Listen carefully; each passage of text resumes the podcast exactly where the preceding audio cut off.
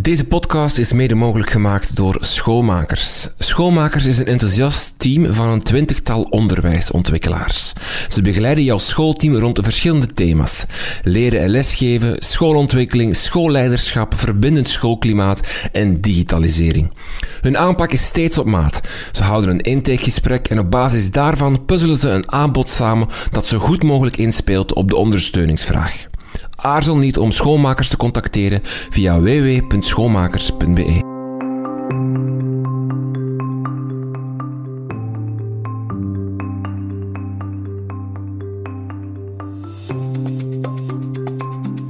Hallo en welkom bij Buiten de Krijtlijnen. Mijn naam is Rinke van Hoek en dit is uw podcast over onderwijs.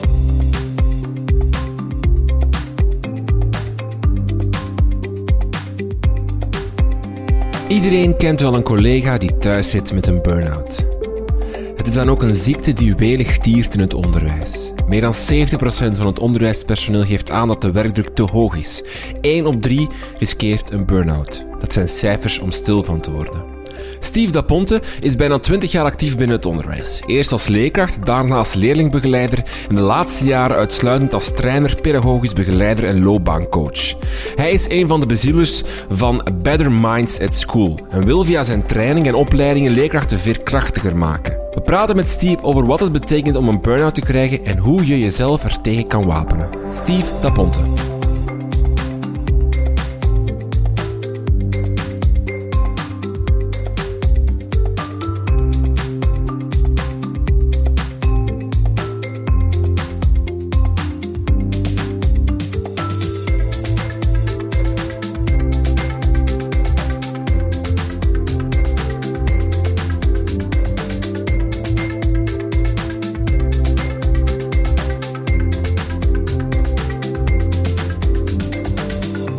Uh, Steve Daponte, welkom in de podcast. Dankjewel, gezellig om hier te zijn. We gaan het hebben over uh, burn-outs uh, bij leerkrachten, overwerkt zijn. recent onderzoek van de KU Leuven toonde aan dat meer dan 7 op de 10 leerkrachten eigenlijk ontevreden zijn over de werkdruk. En ja, misschien nog een straffer cijfer, 1 op de 3 riskeert een, een burn-out. Um, waarom zijn leerkrachten zo vatbaar voor burn-outs, voor, voor overspannenheid, om eigenlijk uit te vallen in een job voor psychosociale redenen. Ja, ja dat, is, dat is heel herkenbaar. Hè. Wij zien dat op de werkvloer, uh, dat de druk inderdaad heel hoog is en dat mensen uh, ja, om de haverklap uitvallen, met alle gevolgen van dien voor de rest van het team, die dan enorm bijspringen. Nu moeten we ons eigenlijk eerst afvragen, wie zijn eigenlijk die mensen die kiezen voor die job in het onderwijs? En dat zijn heel vaak die mensen die vanuit idealisme ja, een betekenis, een verschil willen maken voor anderen. En we zien net, uh, zoals in andere sectoren, hè, de zorgsector, vrijwilligers, in de sociale sector, er is altijd wel iets wat wij nog kunnen doen om het verschil te maken. Dus ja, dat zijn mensen die heel graag geven. Die geven niet alleen om anderen, maar die geven heel veel van zichzelf voor anderen. En dan vaak krijgen, die nog, krijgen ze wel eens het deksel op de neus. dus het is eigenlijk puur, dat is, een, echt een kenmerk voor mensen die gevoeliger zijn voor die burn-out, is van, ja, dat zijn echt die van het idealisme uh, allerlei taken blijven opnemen. Te, te empathisch dan, dan ook? Ja, uh, dat is natuurlijk een enorme kwaliteit die die mensen hebben. Um, maar het gaat over die zorg voor anderen en eigenlijk wat doorschieten Um, en een ander kenmerk dat er zeker een rol bij is, zijn mensen die uh, wat aanleiden aan ja, wat een drang hebben naar perfectionisme, die natuurlijk ook gevoelig. Hè. Die willen dat zo goed doen um, dat ze wel eens uh, in de gevarenzone durven komen. Mm -hmm. Want het grote verschil misschien met een, met een 9-to-5-job op een bank of, of weet ik veel waar, waar je um, incheckt en uitbatcht, is dat in een, uh, een, job als het onderwijs, maar eigenlijk breder ook, hè, wat je daarnet zei, de zorg en dergelijke, is dat het eigenlijk inderdaad nooit eindigt. Ik kan mijn les van morgen voorbereiden, maar ik kan ook de les van volgende week voorbereiden. Ik kan zelfs al nadenken, wat ga ik volgende maand doen. Ik kan extra... Ik kan duizend dingen verzinnen die ik kan blijven doen eigenlijk. Hè. Het, het, er is geen e-, begin- en eindknop aan. Ja, ja, ik denk dat je het daar heel goed in samenvat. Hè. Er is altijd wel die ene stappen die we nog meer voor die andere kunnen betekenen. En dat gaat niet alleen over lesgeven puur, maar die kwaliteit, van hoe kan de kwaliteit van deze les, welke lesfase moet ik misschien anders bedenken, hoe kan ik die leerlingen meer motiveren en betrokken krijgen, maar het, het gaat ook over zorg. Uh, in welke omstandigheden um, leren die kinderen thuis? Uh, hoe kan ik die nog beter bereiken? Enzovoort. Dus je gaat eigenlijk nooit de oplossing kunnen bereiken, waardoor je altijd die stap verder en verder zou kunnen blijven gaan. Dat van die werkdruk komen we straks zeker nog, nog verder op. Um, maar misschien is het wel bizar dat op zich een job die um, ehm, 22 uur bevat in het secundair onderwijs voor een fulltime in het lager 32 uur, dat zijn geen zotte aantallen. Als je dat vergelijkt met bijvoorbeeld een, een, een CEO van een, van een groot bedrijf, ook qua verantwoordelijkheid. Een CEO heeft misschien duizenden werknemers onder zich, heeft een board, uh, een, een bestuur boven zich dat uh, verschillende dingen eist. Hij moet geld verdienen als hij mag niet failliet gaan. Dat hebben wij als leerkracht eigenlijk allemaal niet. En toch zie je dat daar een gigantische uh, druk gevoeld wordt. En dat je daar een, een soort van burn-out uh, effect hebt. Hoe, hoe, hoe, komt dat? Ja, ik denk dat vooral de perceptie over uh, die job in het onderwijs, dat die dan helemaal fout ligt.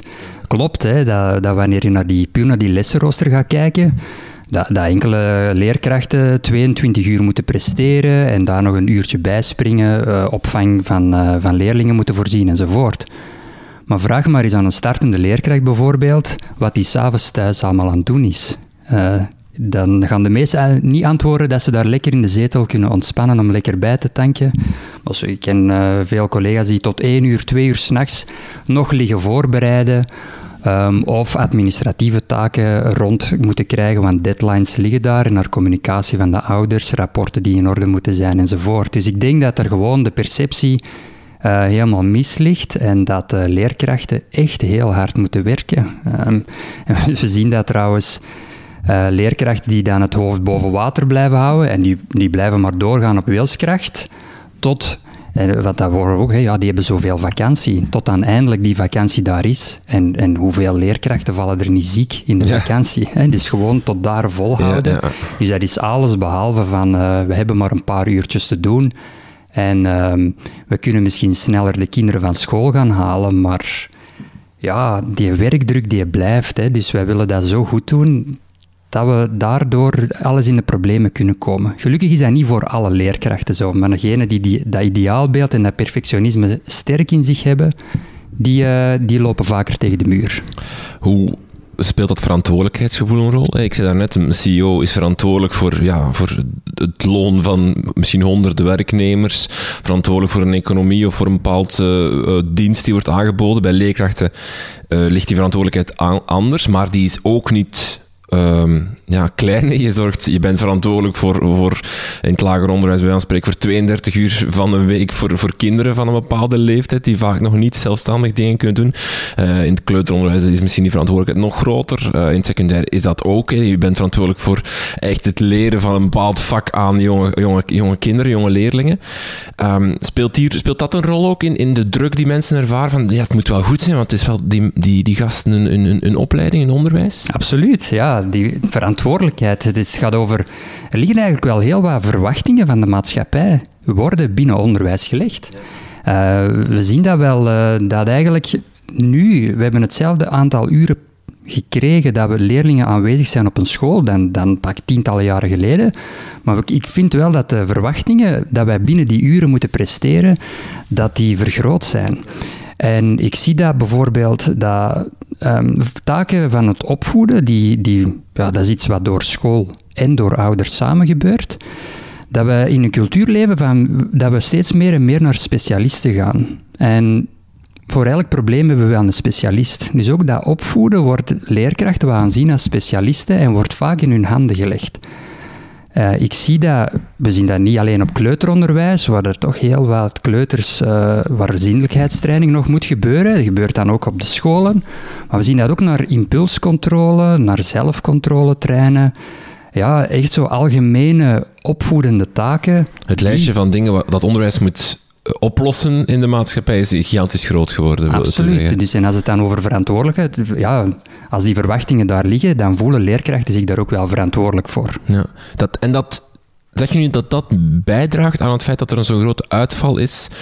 Uh, het feit dat vanuit de maatschappij enerzijds wel wat neergekeken wordt op onderwijs. Hè, het mopje van de vele vakanties blijft nog altijd bestaan. Maar twee, dat er ook wel, en dat is misschien wel wat paradoxaal, heel veel geëist wordt van leerkrachten dat ze doen of aanleren aan hun leerlingen. Het is een beetje een tweesnijdend zwaard. Ja, ja dat, is, dat is echt een grote paradox, hè, inderdaad. Die, ja, en dan heb je nog die mensen die aan die verwachtingen willen voldoen. Dus als je vanuit een idealisme en je wil impact hebben, maar ja, je, lijst van verwachtingen vergroot, ja, dat maakt om dat te kunnen volmaken ja, dat maakt het wel wat uitdagender. Hè? En, en ja, als dat op verschillende invalshoeken uh, binnen onderwijs binnenkomt, ja, dan, dan gaan we dat voelen. Dat, dat heeft er inderdaad mee te maken. Het begrip rolstress wil ik hier ook even bijhalen. Wat is dat juist? Ja, rolstress is eigenlijk, als we het uh, stereotype beeld van, van een leerkracht, dan denk je, ja, ik, ik, ik ben uh, gepassioneerd door lesgeven en ik wil die leerlingen inspireren. Maar uh, rols, eigenlijk die rol is veel breder. Hè. Het gaat ook naar opvoeder, dat, dat gaat naar partner van de ouders, van de buurt enzovoort. Het houdt eigenlijk nooit op. Dus het is eigenlijk wanneer je in die 9 to 5 en, en je zou naar huis gaan, dan stopt het. Maar met het binnensluipen van, uh, gelukkig maar, ik ben een enorme voorstander van alle technologie dat we nu hebben, maar dat maakt dat we ook constant bereikbaar zijn. Uh, voor collega's die nog andere vragen hebben, hebben wij allemaal WhatsApp-groepen. We hebben ons online communicatie, leerlingen- en lerarenplatform waarin dat we communiceren. Dus eigenlijk is dat veel minder afgebakend wanneer eindigt onze job. En, en dat maakt dat we dat ook s'avonds, uh, dat we nog bezig blijven. En ook mensen die zelf moeten leren om die, de knop eens uit te zetten. Uh, want niet alleen die, die rechtstreeks communicatie is er en dat constant uh, die zorg naar anderen en moeten schakelen van wat kan hier nog beter. Ja, het is echt in ons hoofd ook. Van, kunnen we dat ook eens in ons hoofd uitzetten of zijn we al bezig van hoe kunnen we volgende week um, ja, dan komt dat eerste oudercontact eraan app en die molen begint te draaien.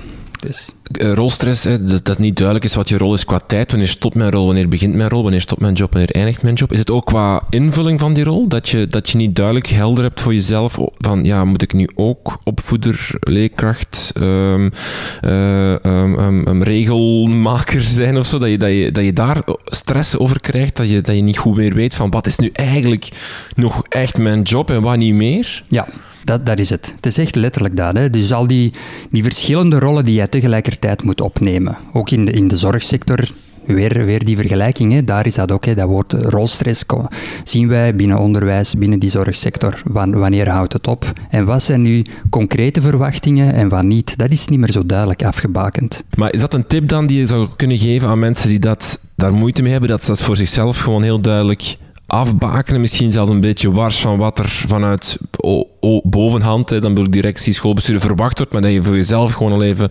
heel duidelijk stelt van ja, dit is mijn rol en daar ga ik me nu even aan houden, wat ze ook anders zeggen, vragen of doen van mij. Ja, ja en dat gaat zeker helpend zijn. Hè. En wat, daar, wat een goede stap in de richting eigenlijk, ja, je kunt niet kijken naar opvoeden, um, die verantwoordelijkheid van kansen geven aan jongeren, dat is wat wij binnen onderwijs doen. Ja, dat, dat, klinkt als één grote berg. eigenlijk moeten we dat als team beginnen ontrafelen. Hè. Ja, wat betekent dat kansen voor onderwijs, uh, kansen voor het leven voor die jongeren? Hoe kunnen we dat misschien opdelen in hapbare stukken? En enkele van die stukken eraf nemen. We kunnen niet alles tegelijkertijd veranderen of aanpakken. En uh, uw pijlen echt beginnen richten op, op die blok. Um, die verwachting alles proberen in te lossen voor je naar de volgende gaat. En ook eerst dat, dat, die succeservaring vieren. Hè. Zo echt dat kleine feest in je hoofd even dat mag er zijn. Van, voilà, we zijn op lange termijn, ze hebben, hebben nu al een eerste stap genomen. Maar vaak blijven wij tegen die enorme berg van verwachtingen aanzien als één groot geheel, dat gewoon verlammend werkt en dat we dan op den duur, ja, we, we doen maar wat. Hè. Kan je dat concreet maken in, in, in een voorbeeld? Um, ja, er, wordt, er wordt echt. Um, internationaal onderzoek uh, toont duidelijk aan dat, uh, dat het achteruit gaat. Hè. Hier in Vlaanderen, dat, dat we niet zo hoog scoren, dat leerlingen op taal slecht scoren enzovoort. Ja, wat betekent dat nu? Um, en, en, kunnen we dan binnen, binnen onze schoolwerking, gaan we dan richten, ja, taal, welke vaardigheden gaan we misschien eerst aanpakken en gaan we misschien inzetten op lezen? Um, je zou uit die conclusie van de, de kwaliteit daalt, zou je honderden actiepunten kunnen definiëren. Dan wordt het heel onduidelijk. Stress slaat toe. En dan En dan, uh, ja, we hebben, waar is het tegenovergestelde van, van die stress? Is, is de vitaliteit die je voelt. En die voelen we door het behalen van succes. Die mensen, die idealisten, die willen impact. En wanneer je voelt van, oké, deze hindernis hebben we toch al kunnen nemen, ja, dat, dat doet iets met je energie, want je gaat je waardevol, je gaat je echt betekenisvol voelen voordat je dan naar, het volgende, naar de volgende stap gaat, naar het volgende project of de volgende hindernis te nemen. Maar die grote containerbegrippen van wat er allemaal beter kan, ja, dat is uh, best intiem uh, goed te bekijken, op te delen naar haalbare stukken. Een burn-out, hoe uitziet, uitzicht die? Wat zijn de symptomen van een burn-out? Ja, als we al spreken over echt die burn-out, wat eigenlijk heel, heel uh, frappant is wanneer mensen daarin over, in gesprek over gaan, als ze die burn-out hebben meegemaakt, dan vertellen ze heel vaak dat het hen plots overkomen is. Ik zat in de wagen, baf, het, het, het, het licht ging uit, ik wist zelfs niet meer hoe ik moest autorijden. Maar we weten natuurlijk dat dat niet plots gebeurt. Hè. De eerste symptomen die van die burn-out, dus het, letterlijk het, leeglopen van je batterij, hè, dat is eigenlijk die laatste druppel energie die weg is. Ja, die eerste symptomen die waren misschien al jaren geleden uh, kenbaar en zichtbaar. Hè. Maar mensen blijven maar doorgaan op wilskracht. Of herkennen wel af en toe die signalen, maar denken, ja, dat komt wel goed. En we gaan maar verder in de waan van de dag. Dus die burn-out, ja, dat is eigenlijk ja, wanneer al die energie verdwenen is, ja, dat, over, ja, dat is heel, heel straf en sterk om mee te maken. Maar hoe uitziet dat is eigenlijk, we moeten veel meer aandacht hebben voor die, die eerste fase. Hè? Die fase waar, waar dat fysieke klachten misschien optreden. Want het is net in die fase dat er nog heel veel resultaat op een snelle manier te boeken is. Mhm. Je hoort ook wel eens mensen die zeggen van als ik er nu op terugkijk, denk ik dat ik toen een burn-out had. Maar die het eigenlijk nooit echt zo benoemd hebben of, of, of, of op dat moment beseft hebben dat ze ofwel op het randje van burn-out zat, want het is natuurlijk een breed begrip, maar uh, of het echt gehad hebben, en, maar dan door een fysieke klachten of door uh, andere dingen, of, of, dat, of daar toch door te spartelen, daardoor geraakt zijn, maar eigenlijk pas achteraf door daarover te lezen of dan de reflectie te maken door van, oh, ik had volgens mij echt of op het randje van een burn-out. Ja.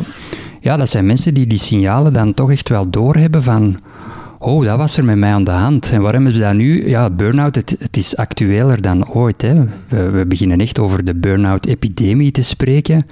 Ehm, waardoor er wel veel meer aandacht is voor dat thema. Dus inderdaad, mensen uh, beginnen erover te lezen. Er is veel meer in de media. Wij zijn er een podcast over aan uh, aan het maken. Um, waardoor ze dan wel eens gaan terugdenken van, oh, dat was er misschien wel met mij aan de hand. Ja. En kan je specifieke symptomen opsommen die daar ofwel naartoe leiden, of, die, of die, waardoor er belletjes moeten gaan rinkelen van, oh, ik moet eens even gaan kijken of dat, of dat mijn werk, druk en stress en zo nog, nog klopt? Ja. Ja, het is kunst om, om die eerste signalen op te vangen en niet, in, en niet te negeren. En het zijn heel, heel herkenbare signalen. Hè. De, de, de eerste fase, fysieke klachten. Nekpijn, rugklachten, algemene vermoeidheid, spierpijnen enzovoort. Hè. En ja, het feit, de, eerste stap is daar zeker bewustwording. Gewoon bewust worden van, oh, zijn dit eerste tekenen misschien? Ja? En moet ik hier dan op reageren? Maar dat is vaak niet zo erg. Hè. En dan, dan laten mensen daar liggen en oh, je kan, ja, dit lukt me nog wel. Hè. Dus, dus je moet eigenlijk heel bewust staan van die reactie opnemen. Waar ga ik hier al eens even bij tanken? Maar dan moet je de link wel leggen dat het iets psychisch, allee, dat, het, dat, het, dat het in je hoofd, iets met je hoofd te maken heeft, alleen met, met je stress, met iets mentaal. Terwijl je een fysieke klacht hebt, dan denk je misschien, misschien heb ik uh, wat te zot gedaan uh, uh, bij het lopen of bij bij het padellen de voorbije week, of, of die nekpijn, moet daar toch eens naar laten kijken, of eens even een, een, een pijnstiller pakken, of weet ik veel wat. Je gaat, de, de moeilijkheid, denk ik, daar is dan dat je fysiek gaat koppelen aan het mentale. Ja. Ja, en daar gaat het... Het is eigenlijk pure stressrespons hè, dat er eigenlijk gebeurt. Dus vanuit dat brein ja, dat is, eigenlijk is dat een geweldig systeem. Hè. Er is spanning, stress en, en dat brein stuurt via hormonen, adrenaline, die gaan eigenlijk signalen naar je lichaam sturen. Van ja, kijk, uh, die spierspanning gaat stijgen, je pupillen gaan verwijden, je, hartritme, ademhalingsfrequentie gaat omhoog. Eigenlijk puur zo in fight or flight mode gaan wij kunnen reageren. Hè. Moeten wij van gevaar weg, ja, dan ga je sneller kunnen vluchten. Dus er gaat echt meer energie naar je ledematen eigenlijk toestromen. En dat wil zeggen dat er minder energie over is, misschien ja, voor je brein, in die prefrontaal cortex, waar je wijs gaat redeneren, probleemoplossend denken enzovoort. Maar je gaat wat meer tunnelvisie krijgen naar gevaar. Zeker wanneer die stresshormonen veel te lang in je lichaam aanwezig zijn. Ja, dat wil zeggen dat de energie op bepaalde andere kanalen niet meer aanwezig is. Misschien niet in uw spijsverteringsstelsel. Mensen gaan maag- en darmklachten ervaren. Hè. Dus eigenlijk puur ja, stressrespons. En we, dat, ja, bepaalde delen krijgen te lang te veel energie van dat lichaam. In het lichaam van het brein. Gelukkig kunnen we dat ook omkeren. En is eigenlijk door die eerste stap, die bewustwording, is eigenlijk uh, binnen Better Minds hebben er een heel mooie metafoor voor. Je moet de grote glazen lift nemen. Hè, zoals uit de boeken van Roald Dahl is dat je een beetje abstractie gaat nemen van jezelf en dat je gaat denken en voelen wat is er nu aan het gebeuren. En dan ga je zien van, oh, ik merk dat mijn ademhalingsritme sterk gestegen is. Ik voel die stress daar toch wel wat zitten waardoor dat je kunt reageren. Misschien moet ik een paar diepe buikademhalingen doen. Misschien ga ik even goed tot rust. Misschien moet ik even dat ommetje buiten gaan doen, die wandeling, puur die stresshormonen terug te laten dalen. Want dat geweldige systeem dat heeft ervoor gezorgd dat wij als mensensoort overleven, dat we het zo goed doen. Maar het is zo paradoxaal, is wanneer dat geweldig systeem van stresshormonen te lang aanwezig is en actief is in ons lichaam, ja, dat het net heel nadelig is voor onze gezondheid. Heeft het ook te maken met ongelukkig zijn? Of kan je perfect gelukkig zijn op je job, het graag doen, maar toch in een burn-out vallen? Of is er, altijd, is er ook altijd een vorm van: ik ben niet, doe niet mijn job niet super graag, het, is niet, het loopt niet zo fantastisch? Ja, ik zie heel weinig heel gelukkige mensen in burn-out vallen. Hè. Het, het heeft ermee te maken. Ja, het, die burn-out, het is een balans van, van uw energie. Uw job kan u heel wat energie geven.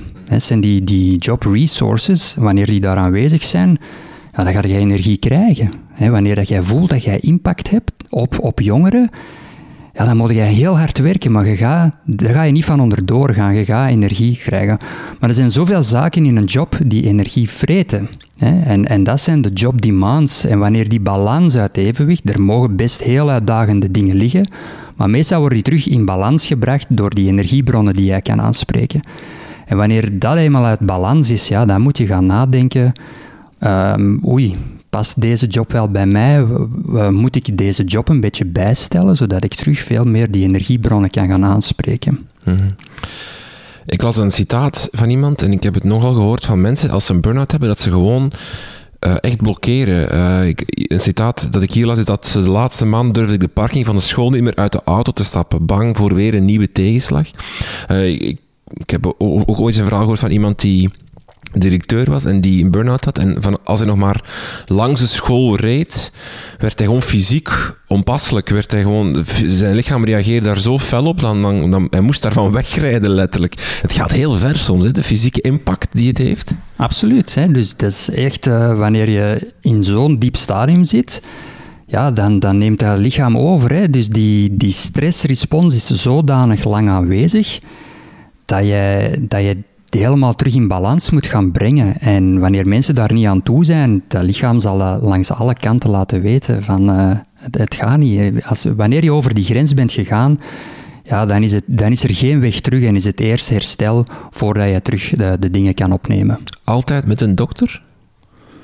Uh, in zo'n ernstige gevallen, ja zeker. Hè. En ook in een vroeger stadium, als je ontdekt van ik heb hier chronische nekpijn, mijn maag doet het, werkt niet meer en je begint wel te connecteren van ja, maar tegelijkertijd heb ik ook heel veel stress op het werk. Is het dan ook al goed om, om externe hulp te gaan zoeken in de vorm van een dokter, maar misschien uh, psycholoog of dergelijke zijn er ook altijd? Ja, en zelfs voordat je die, uh, die echte prof die professional uit de zorg gaat moeten aanspreken, um, zijn er heel wat zaken. Hè. Mensen, als ik over die energiebronnen in die job dan moet je eigenlijk weten waar je de energie van krijgen is wanneer dat je je talenten heel veel kunt inzetten in je job. Maar voor sommige mensen is dat echt een zoektocht. Die weten niet meer, ja, waar ben ik zo straf in? Wat kan ik allemaal heel goed? En uh, daarom zijn er in Vlaanderen eigenlijk geweldige initiatieven van coaching. Hè? Eigenlijk loopbaancoaching via, via VDAB, loopbaanchecks. Eigenlijk ligt er, zijn er heel, is er heel wat ondersteuning dat je voor 10 euro per uur eigenlijk bij een loopbaancoach terecht kan die met jou dat pad kan bewandelen. Wat zijn je talenten? Waar ben je sterk in? Maar wat zijn de waarden? Wat zijn zaken in jouw leven waar je altijd trouw aan zal blijven? En in hoeverre sluit je job, je huidige job aan bij deze waarden? En hoeverre heb jij nog de kans om je talenten in te zetten? Of zijn er heel wat andere zaken die net energie vreten? En dat kan je eigenlijk met uh, een professionele hulp erbij heel goed ontdekken, waardoor dat je keuzes gaat maken. Wat niet wil zeggen dat je dan... We hebben al zo'n lerarentekort, dat we dan uh, het onderwijs maar moeten verlaten. Nee, absoluut niet. Misschien is er een beetje jobcrafting bij nodig om um, terug ja, aansluiting bij onze waarden te voelen en dat wij beseffen van hoe waardevol die job wel is en dat onze energietank terug kan bijvullen. Mm Mensen met een burn-out blijven gemiddeld 242 dagen thuis. Ik, ik viel achterover toen ik dat getal zag. 242 dagen, dat is, dat is een schooljaar. Allee, het, zal, het zal give or take zijn, maar dat is gigantisch veel. Ja, dat is gigantisch, dat is ongelooflijk. Hè? Maar eigenlijk is, is de vraag... Hoe, hoeveel dagen hebben ze nodig gehad om in die burn-out te geraken? Ja, zijn misschien veel meer dan 242. Ja, en eigenlijk, misschien komen ze er dan nog goedkoop vanaf. Ja. um, dus ja, je kunt dat als een sportblessure ook. Uh, ik kom zelf uit de sportwereld. Um, en wanneer je zo een kleine verrekking in je spieren voelt opkomen, ja, in die fase is er veel aan te doen. Misschien zelfs een weekje rust, hè, een paar eh, stabiliteitsoefeningen en ik ben er door. Maar wat doen we meestal? Zeker binnen onderwijs, we gaan door en we, gaan, we negeren die signalen. Ja, dan weet je, in de sportwereld is dat een spierscheur. En ga je veel langer rust nodig hebben.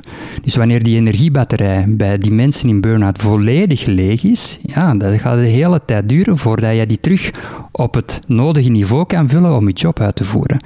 Dus eigenlijk is dat niet te verschieten waarom dat zo lang is. Het is eigenlijk heel die opbouw, eigenlijk de afbouw eerst, die heeft nog veel langer geduurd dat we terug die recuperatie echt nodig hebben om, om daarna ja, terug uh, actief voor de dag te komen.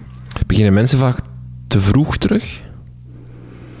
Goh, dat, ik kan dat niet veralgemenen, maar, maar dat zijn wel duidelijke signalen. Hè. De, wie zijn die mensen in onderwijs die die burn-out krijgen? Dat zijn niet die leerkrachten die even hun lesje komen geven en dan, ja, hier ben ik uh, lekker vanaf en ik kan naar huis.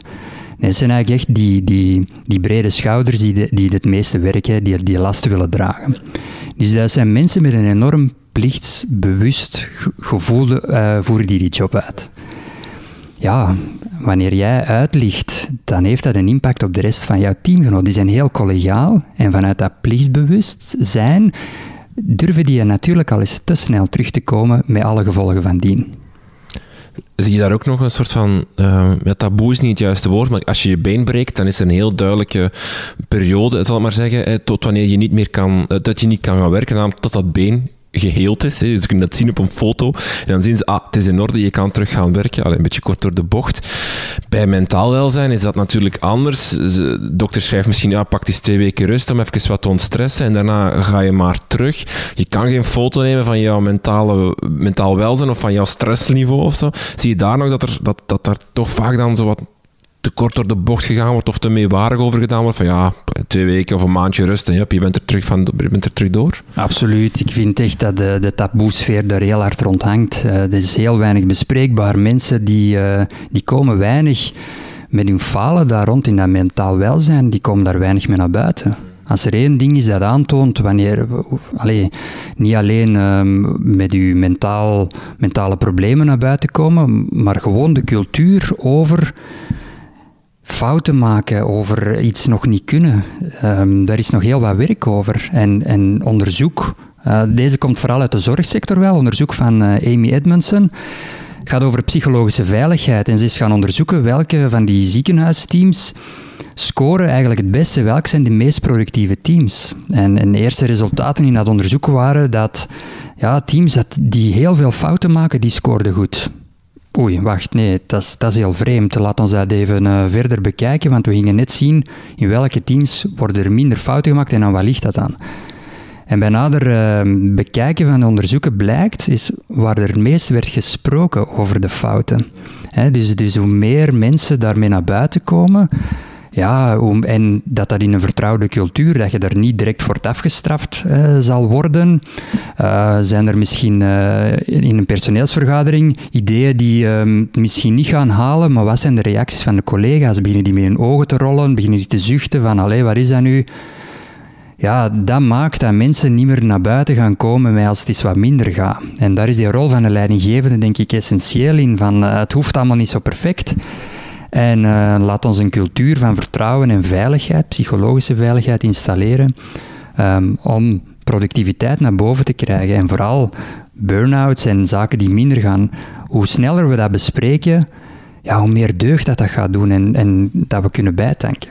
Zou je dan bijna opperen dat, dat schoolleiders bijvoorbeeld een soort van, het klinkt, het is een, hoe moet dat zeggen, een opbollig woord, maar de praatgroepen organiseren voor hun personeel, waarin ze onder misschien begeleiding van iemand extern uh, die psychologische veiligheid kunnen vinden en, en hun hart kunnen luchten en kunnen vertellen wat er um, uh, moeilijk loopt of waarom ze stress ervaren of, of dat ze daar toch een soort van ja, dat er over gesproken wordt, dat je een beetje faciliteert dat er over gesproken wordt? Ja, faciliteren vind ik een, eh, een mooi woord. Hè. Als zo praatgroepen, dan, dan gaat er veel uh, leerkrachten van, oh, wie heeft hier nu nog zin in, ja, in al dat uh, zweverig gedoe.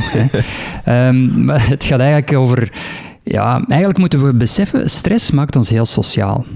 We, we zien dat. Um, ik zie dat gebeuren wanneer ik iemand met heel veel stress dicht bij mij heb, dan voelen wij die neiging toch van onze arm eromheen te leggen. Hè. We, willen eigenlijk van, ik kom hier, hè, een, dikke knuffel. Um, oxytocine, het, bekende knuffelhormoon, ja, dat is eigenlijk een stresshormoon. Hè. Dus we voelen die drang om er dan voor anderen te zijn. Maar we voelen ook de drang, wanneer ik zelf heel veel spanning ervaar, om naar buiten te komen met mijn verhaal. Ja, en net dat lucht heel hard op. En, en door die zaken bespreekbaar te maken, zijn we al aan het helen. Maar waar maak ik mij zorgen om, zijn de mensen die dus inderdaad niet naar buiten komen en die dat intern gaan proberen oplossen. En dat is eigenlijk tegen de natuur in, dat we stress, ons, eh, als je dan dat sociale gaat tegenhouden, ja, dan, dan lopen we wel wat gevaar. Hè, ehm, om, in, ja, om die gevarenzone van die burn, van energieverlies verder te stappen. Want eigenlijk is stress iets dat je wil uiten, extern, maar we internaliseren het heel vaak. Of, of omdat het wel ook vaak te maken heeft met een soort van uh, zwakte tonen, kwetsbaarheid tonen aan uh, je omgeving, uh, een professionele omgeving, waar je toch meestal je sterk wil tonen, liefst. Ja, voilà. En, en, ik denk dat daar een stuk van het probleem ligt. Hè. En we zien dat ook in de contacten die we met elkaar hebben. Um, nu, uh, in die coronapandemie, dan missen we de verbondenheid van de collega's. Hè. En dan is er, wordt er heel vaak gepraat over, ja, en ik mis die, die kleine babbel aan het koffieapparaat in de leraarskamer enzovoort. Maar eigenlijk is het is ook is het moment om dieper te connecteren. Hè. En niet alleen over koetjes en kalfjes, maar dat we ons authentieke zelf eens mogen zijn.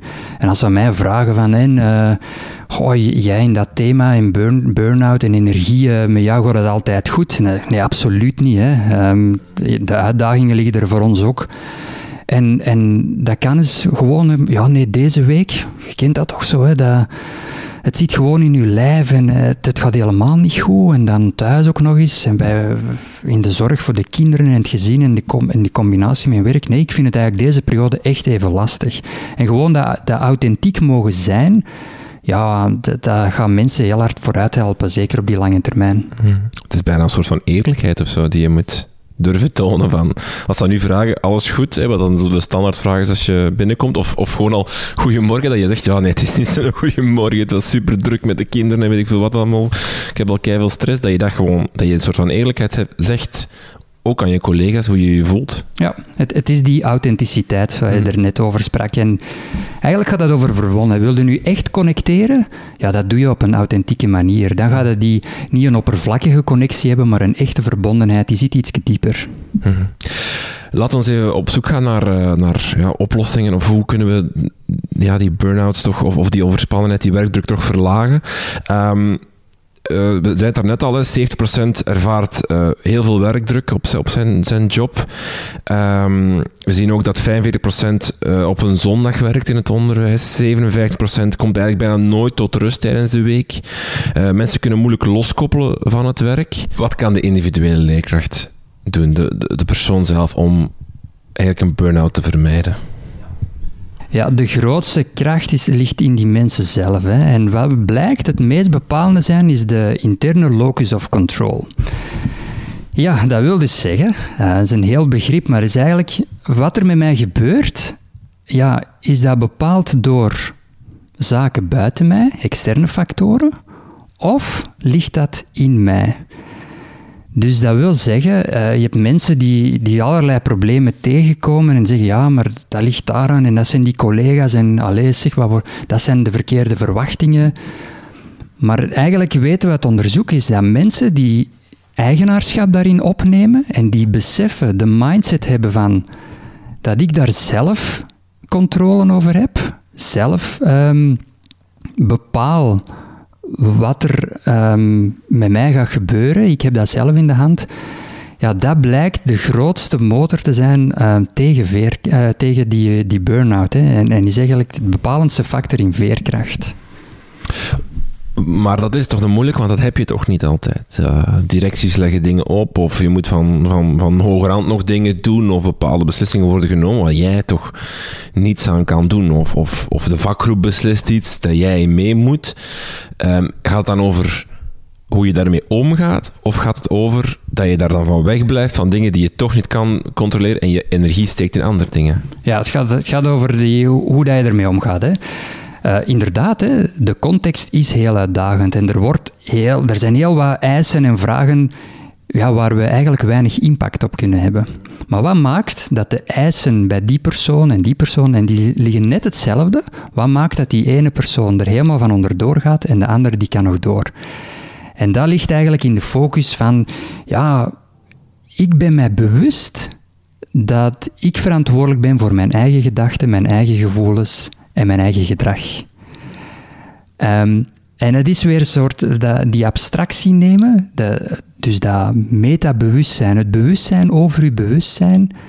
Wat is er hier met mij aan het gebeuren? En wanneer je die glazen lift neemt, dan ga je dat vanuit perspectief kunnen bekijken. Er zijn mensen die nu, die, die coronacrisis, die is zo uitdagend. Ja, elke dag staat er een nieuwe, nieuwe berg werken voor u. En we, moeten ons terug heruitvinden, de, de, de regelgeving verandert, de maatregelen veranderen. Maar als je in staat bent om abstractie te nemen en dat op heel lange termijn misschien bekijken, dan zien we gewoon dat er misschien nu een transformatie aan het gebeuren is. Zoals we nooit hadden gedacht dat het uh, ja, contactloos betalen in één keer zo in de lucht is gegaan. Wel, zo zullen wij nu ook binnen onderwijs stappen aan het nemen zijn, die eigenlijk op lange termijn ja, het is als wij een soort van posttraumatische groei hier gaan, uit, gaan uitkomen. De mensenrechten hadden nooit zo ver gestaan als er geen wereldoorlog had geweest.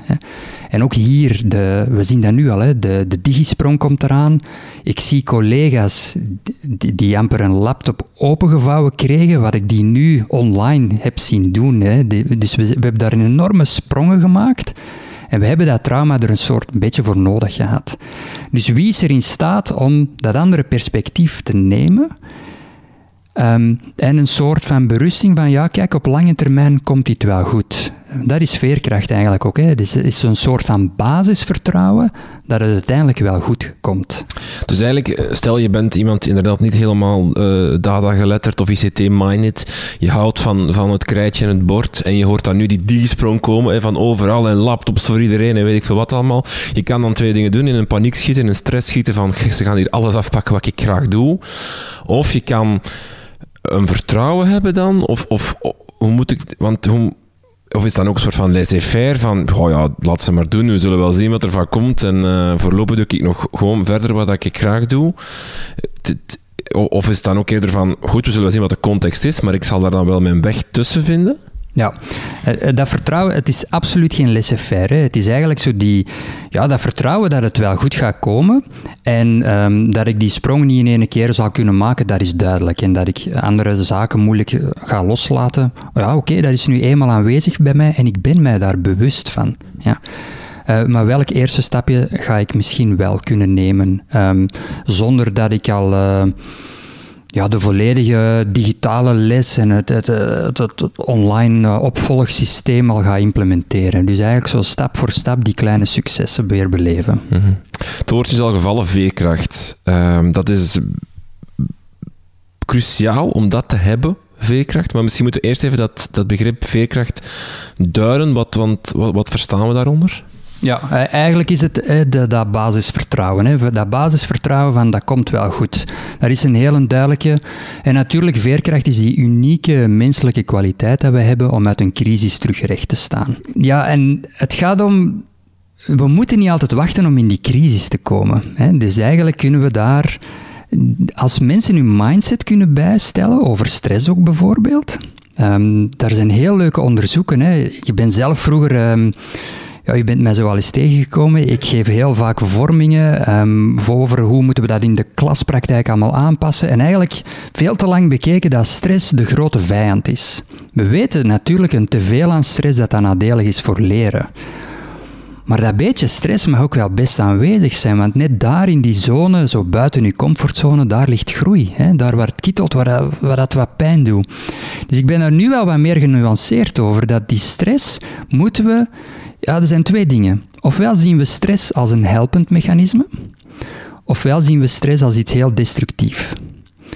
We weten uit onderzoek dat mensen die de mindset hebben dat stress een helpend mechanisme is, ja, dat er zelfs tot op het fysieke niveau andere zaken zijn waar te nemen. Bijvoorbeeld mindere vernauwing van de bloedvaten. Dus hoe jij over stress denkt, heeft een, kan een impact hebben van hoe dat jij er gaat mee omgaan. Dus die mindset is cruciaal.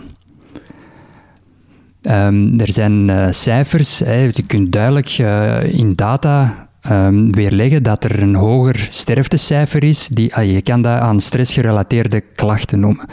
Wanneer ze in de meta-analyse die data terug hebben verzameld, ja, dan zien we dat als we de vrager gaan bijnemen, die mindset, zie je dat als een helpend mechanisme, dat die cijfers dan helemaal veranderen. Dus uh, ons meta-bewustzijn van wat is er nu met mij aan het gebeuren? Kan ik zien, die eerste stresssignalen, kan ik ze detecteren bij mij? En kan ik dan die houding aannemen van, ja, kijk, dit is even vervelend, maar op lange termijn, dit komt zeker in orde. En mensen die dat, ja, er is een deel aangeboren van, hè, het zit gewoon in uw genen. Um, er zijn bepaalde persoonlijkheidskenmerken die het wel wat makkelijker maken voor jou. Hè. De optimist versus de pessimist. Absoluut. Hè. Die, dus diegene die in alles uh, opportuniteiten zien in plaats van problemen, uiteraard is dat makkelijker om die houding aan te nemen. Hè. De perfectionisme, die, uh, die hebben we, die idealisten, natuurlijk hebben die grotere kans. Uh. Veerkracht is net als spierkracht te trainen en te ontwikkelen. Hoe train ik mijn eh, veerkracht? Ja, er zijn verschillende manieren. Er zijn heel wat hefbomen van veerkracht die we kunnen installeren. Uh, de belangrijkste heb ik uh, de basis al aangehaald, dat is dat bewustzijn. Uh, een tweede is eigenlijk ook zelfcontrole. zelfcontrole, ja, dat kennen wij meestal van... Um, ja, het zijn eigenlijk die zaken die ik eigenlijk nu zou moeten doen, maar ik ben ondertussen toch wel eerst anders. Dus ik, ik heb minder zelfcontrole kunnen tonen. Hè. Um, leukste onderzoek daar, uh, eind jaren 60, Walter Mischel en zijn onderzoeksteam die met de alom bekende marshmallow-test aan de, ja, op de proppen kwamen, waar zij dus uh, die leerlingen kinderen, jonge kinderen, moesten uh, een marshmallow kunnen weerstaan. Ja, ze moesten wachten. Hè, ze moesten wachten hè, en dan kregen ze een tweede beloning. Dus bij ons ook in, in, in ons werk um, is het eigenlijk... Ja, ik moet nu even aan die lesvoorbereiding ja, ik ga er eigenlijk nu even aan moeten beginnen. Maar wat doen we meestal? Is andersom. Ik, ik ben nog eerst even op social media bezig en, en ondertussen ben ik de tijd uit het oog verloren. Stress, stress, stress, want nu heb ik heel weinig tijd. Een soort van uitstelgedrag, is dat er dan een voorbeeld van, van, van een gebrek aan zelfcontrole? Ja, absoluut. Hè? Uitstelgedrag, herkenbaar. Ja, er zijn veel belletjes af. nu, um, maar eigenlijk kun je dat ook andersom bezien. Want die perfectionist die daar heel diep ligt te gaan en blijft uh, zorg dragen en, die rolstress, hè, waar dat werk niet stopt, eigenlijk weet hij wel, ik, ik zou nu de laptop moeten dichtklappen. Ik hoef nu... Um, ik moet even naar buiten, misschien dat wandelingetje. Hoeveel zelfcontrole kunnen zij opbrengen om op dat moment te doen wat eigenlijk hoort te doen voor hun eigen gezondheid? En doordat ze daar dan weinig zelfcontrole kunnen toepassen, komen ze verder in de problemen. En zelfcontrole, dat is iets dat je heel hard kan trainen. En gelukkig doen ouders en leerkrachten daar alles aan. Hè. Zo vanaf van kleins af aan. Hè. Eerst uw moetje en dan uw magje. Um, dat gaat ons uh, heel wat verder brengen. En ja, uh, stel dat je nu je bent uh, leerkracht en, en je merkt van die zelfcontrole is ligt bij mij niet goed, het bezorgt mij heel veel stress. Hoe train je dan terug? Ja, je traint het op verschillende domeinen. Dus niet alleen in je werk, hè, maar um, goh, misschien um, is het zelfs ja, kan je bij je maaltijd. Uh, ik ga nu eerst uh, s morgens bij het ontbijt. Ik ga kiezen voor het gezond beleg. dan pas um, ga ik al die suikertroep erop smeren enzovoort. Dus eigenlijk ga je jezelf uitdagen om die zelfcontrole te trainen. En er zijn twee manieren. De uitgestelde beloning, hè, die werkt zeer goed. Hè. Misschien de, de Pomodoro-techniek. Ik, ik beloof mijn brein dat ik even 20 minuten aan die belangrijke taak en daarna ga ik mezelf even belonen met een andere taak. Vaak hebben mensen dan zoveel positieve energie losgemaakt dat ze, dat ze de behoefte niet hebben om te stoppen. Maar gewoon doordat die tijd uitdagend en haalbaar is, schiet dat brein, wordt dat wel geprikkeld van ja, hier ga ik nu wel voor. En denk eraan, het is trainen, dus dat wil niet zeggen dat je dat één keer gaat proberen, dat het, dat het daar dan ligt. Dus zelfcontrole ja, is, is trainen uh, op lange termijn. Een tweede techniek die kan helpen is, is kiezen voor een bewuste afleiding. Um, wanneer, uh, ja, als je je heel vaak laat afleiden, is dat vaak omdat er, omdat er ja, niks gepland staat te doen wat jij wil of moet doen. Uh, ik geef zo'n voorbeeld. Ja, afleiding bestaat pas eigenlijk wanneer dat je weet waarvan je afgeleid bent. Ja, ja, ja. He, dus, dus het is eigenlijk... Als, als, je moet een hoofdtaak hebben om afgeleid te kunnen geraken van die hoofdtaak. Ja, absoluut. Ja. want wanneer je, wanneer je denkt, ja, ik, ik, ik, ik hoor zo mensen, ja, ik heb heel mijn Facebook buiten gesmeten, want Facebook is het probleem. Ja, nee, Facebook is niet het probleem. Zelfcontrole is het probleem. Facebook is heel leuk. Dat is heel tof. En er is zelfs geen afleiding wanneer jij gepland had om zaterdag van 2 tot 3 je Facebook. Op, op Facebook gaan kijken. Fantastisch. Wanneer is het wel afleiding? Dat je dat op een moment doet dat je eigenlijk gepland had iets anders te doen. Ja. Dus. Um, en hoe, gebruik, hoe gebruik je dat dan om, om, om zelfcontrole te trainen? Hoe dat je het gebruikt is eigenlijk, ja, is, is één planning is ervoor nodig. En is dat je eigenlijk zegt van de dingen waar je van afgeleid geraakt vaak, plan die gewoon in, dat je als hoofdtaak. Bijvoorbeeld, ja. Uh, ik zie dat nog anders. Hè. Um, dat sociaal zijn, wat, uh, wat, heel, wat ons heel veel energie geeft. Voor sommige mensen is dat een van de belangrijkste dingen in het leven. Oh, dat contact met mijn vrienden, dat is, dat is zalig. Maar ze laten zich elke dag, door dat niet in te plannen, dus dat is iets wat hen aantrekt. Um, plan dat in. Elke vrijdagavond, van dat uur tot dat uur, maak ik tijd voor mijn vrienden. Wat gebeurt er nu doordat we niet plannen of dat we dat niet bewust ergens vastleggen? Is de waan van de dag die regeert. Er is geen tijd meer over, dus wat zit er op de lange baan? Ga, ooit zal ik dan nog eens met mijn vrienden in contact komen. Ja, en dat hebben we net nodig. Dat zijn die persoonlijke energiebronnen die helemaal doen bijtanken. Hè. die dus ook een effect op u, hoe dat jij op je job gaat voelen. Is, soms worden de behoeften niet vervuld in de job zelf, maar kunnen we persoonlijke energiebronnen inzetten, waardoor een balans terug in evenwicht is. Bewustzijn, zelfcontrole, zijn er nog hefbomen van veerkracht die we kunnen aanspreken? Focus, focus. Hoeveel energie gaat er tegenwoordig niet verloren omdat wij niet meer in staat zijn geconcentreerd te werken? Ja. Ik denk ons brein, dat is een fantastisch uh, gegeven dat, wel, dat wij ons een uur echt gefocust aan een taak kunnen zetten. En nu gaan er heel veel mensen, goh, een uur, dat is lang geleden. ik zie jou glimlachen. Uh, maar is het nog gepermitteerd om gefocust te kunnen werken. En wat is gefocust werken? Is dat... Ja, is eigenlijk single tasken. Ja. Wat wij tegenwoordig doen... Eén ding doen. Eén ding, ja. ja. Wat wij tegenwoordig doen is, is vooral verschillende ballen tegelijkertijd in de lucht houden. En um, is dat wij continu afgeleid worden. Dat is eigenlijk aandacht, hè, wij noemen dat nieuwe IQ, dat is zo'n schaars goed geworden. Dat is eigenlijk heel raar dat we dat toch op een presenteerblaadje, eh, schaaltje blijven leggen voor heel de wereld, om dat maar te nemen wanneer dat zij ook maar willen. En daar moeten we ons tegen wapenen. Hè. Dat wil zeggen, alle afleidingen weg. Um, en welke cultuur kunnen we op werk en thuis installeren, waardoor het nog eens gepermitteerd is om gefocust te werken? Welke signalen, welke afspraken hebben wij daar onder elkaar? Um, hebben wij een bepaalde ruimte? Wanneer dat wij die innemen, dat we, dat we weten van ja, hier wordt even geen vraag aan mij gesteld. Al is maar voor 30, 35 minuten. Maar we zien dat, want wij weten uit onderzoek dat bij elke afleiding dat je misschien wel 25 minuten terug nodig hebt om terug in hetzelfde niveau van concentratie te geraken. Ja, en binnen de 25 minuten is het volgende pushbericht, notificatie of vraagje van je collega weer binnengekomen. Dus eigenlijk, ja, focus is, is een belangrijke, zeker in, de, in onze hedendaagse context, is ene die uh, meer aandacht moet krijgen en dat we terug moeten trainen. Maar dan ook dan bijvoorbeeld, ja, een leraarskamer is niet de beste plaats om, om gefocust te werken. Er komt volk binnen, er wordt al eens een vraag gesteld, er passeert iemand, even goeiemorgen, uh, uh, met koffiemachine ratelt door, zal ik maar zeggen. Dat school ook, ook ja, een, een, ruimte voorzien waar gefocust kan werken en waar het dan de strikte afspraken gelden van stilte, uh, ieder voor zich, uh, misschien een beetje asociaal, maar wel gefocust werk. Ja, ja, voilà. En uh, ja, jammer genoeg, we kunnen ja, nieuwe schoolgebouwen. Ik hoop dat ze, dat ze dat meenemen. Hoe moet ik dat ontwerpen? Dat er ruimtes komen, zowel voor leerlingen als leerkrachten, waar met heel veel aandacht gewerkt kan worden. Maar ja, er, wat kunnen we ook doen in de huidige moeilijke context, waar, waar dat gebouw er niet op voorzien is, is welke signalen geven wij daar? Uh, en vanuit Better Minds hebben wij zo heel mooie olifantjes. Wanneer het olifantje aan ons laptopscherm hangt, ja, dan weten wij, ah, Steve is met een olifantentaak bezig. En een olifantentaak, dat zijn onze prioritaire taken. Maar wat doen wij meestal, is, is niet met olifanten bezig zijn, maar met konijnen.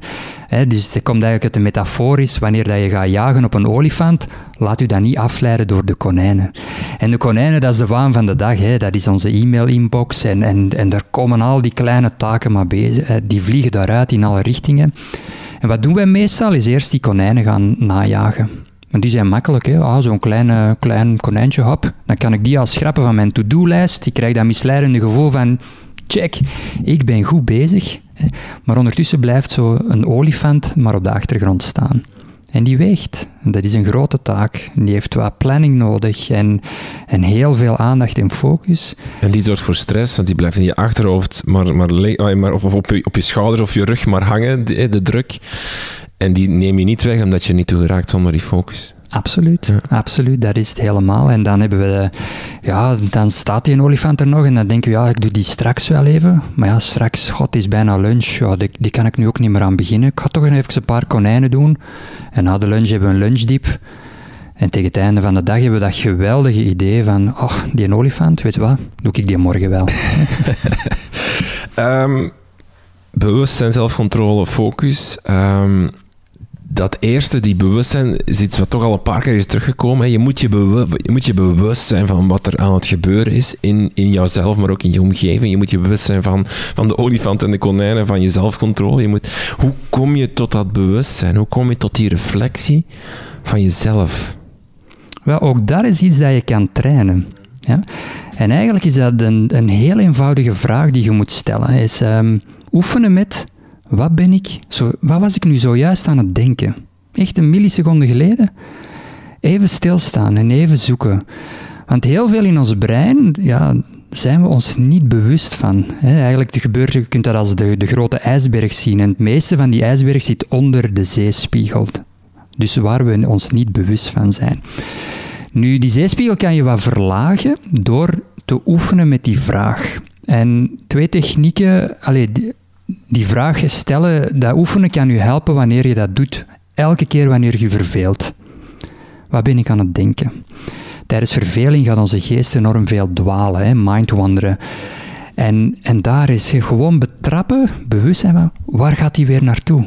Waar ben ik weer? Hè? Welke gedachten overheersen enzovoort. Dat doen we toch ook niet meer vervelen? Hè? Allee, of ik, ik doe dat niet meer, want als ik me verveel, dan heb ik mijn gsm, of dan zet ik toch muziek op, of dan ga ik iets doen, toch? Of, allee, zeker op, op de trein, wachten, hè? Dan, dan, dan, dat doe je niet meer, wachten eigenlijk. Absoluut. Hè? Dus dat, dat onbehagelijke gevoel dat dan even komt, we willen dat direct mee door bewuste afleiding. We nemen de gsm erbij, want als ik mijn aandacht daar dan op, op fixeer, ja, dan ben ik al vanaf van die, vervelend, van die verveling, hè, dat, die waardeloze, die gedachten, die, die, ja, die heel lastig, hè. verveling, dat woord heeft niet voor niks zo'n negatieve connotatie, maar eigenlijk, ja, laat het, laat maar eens gebeuren. En gewoon maak er eens een spel van, van allee, waar ga ik weer naartoe? Waar zitten mijn gedachten? De tweede manier dat u kan helpen om, om daar beter in te worden, is om dat te koppelen aan reeds bestaande routines. Um, misschien ben jij een koffie- of een theedrinker en bij elk eerste kopje s'morgens gewoon de reflex. Waar ben ik aan het denken? Zodat je dat metabewustzijn gaat vergroten en dat je dat sneller kan ontdekken waar, dat, waar dat je geest naartoe was. Uh, ik zelf doe dat altijd bij tandenpoetsen. We hebben een groot gezin. Hè. Wij zorgen ook voor. We hebben vier eigen kinderen en hebben nog eens twee pleegkinderen in huis.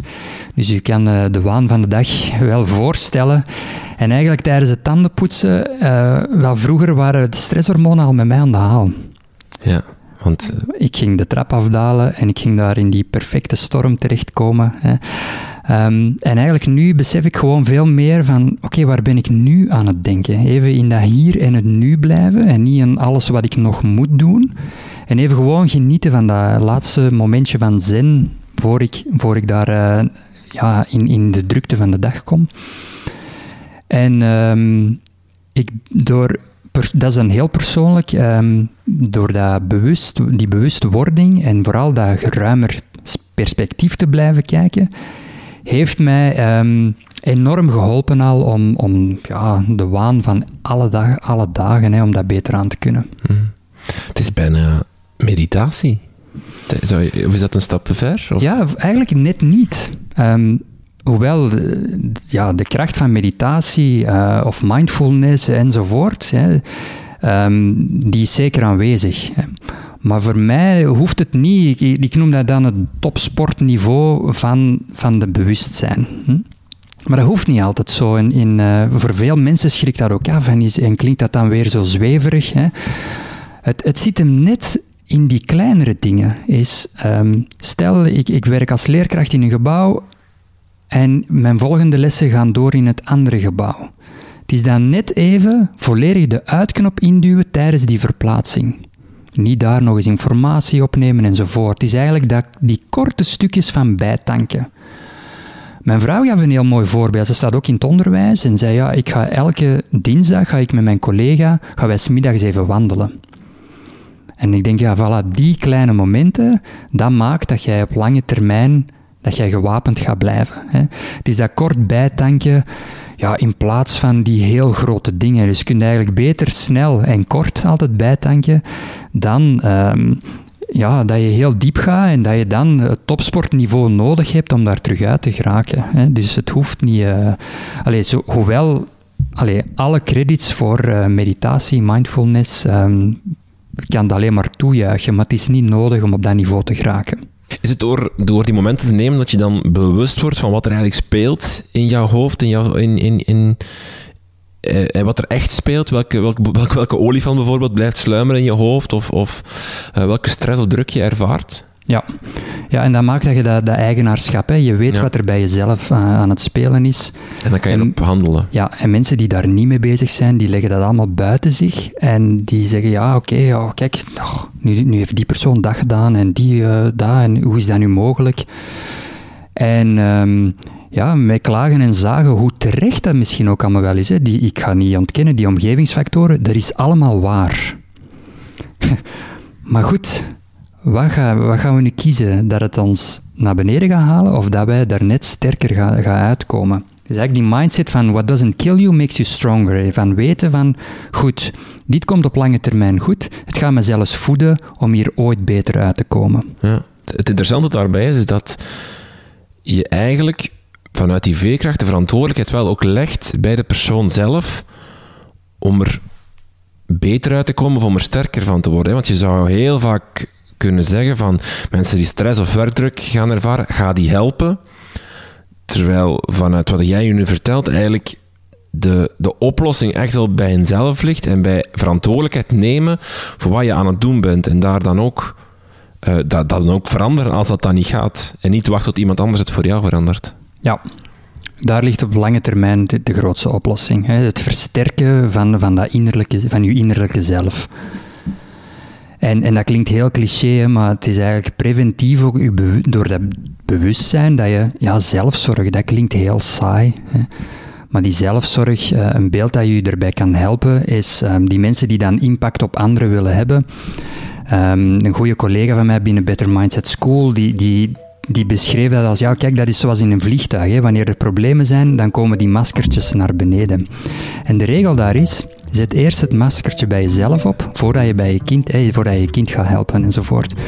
Wel, zo is dat ook bij, die, bij, bij dat onderwijs en die zorg voor anderen, is door zelfzorg, door daar aandacht voor te, te hebben, ga je net beter voor anderen kunnen zorgen op veel langere termijn. Oké, Steve Daponte, heel veel dank voor het gesprek. Graag gedaan.